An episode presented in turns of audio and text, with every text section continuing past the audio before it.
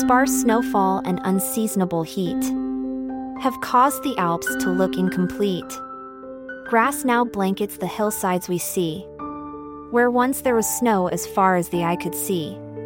Winter weather in Europe's central peaks has caused much stress and frustration for ski enthusiasts. Slope operators struggle to keep their business afloat.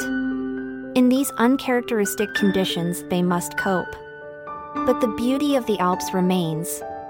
Despite the lack of winter's white gains, the majesty of these mountains won't fade, even as the grass and warm weather invade.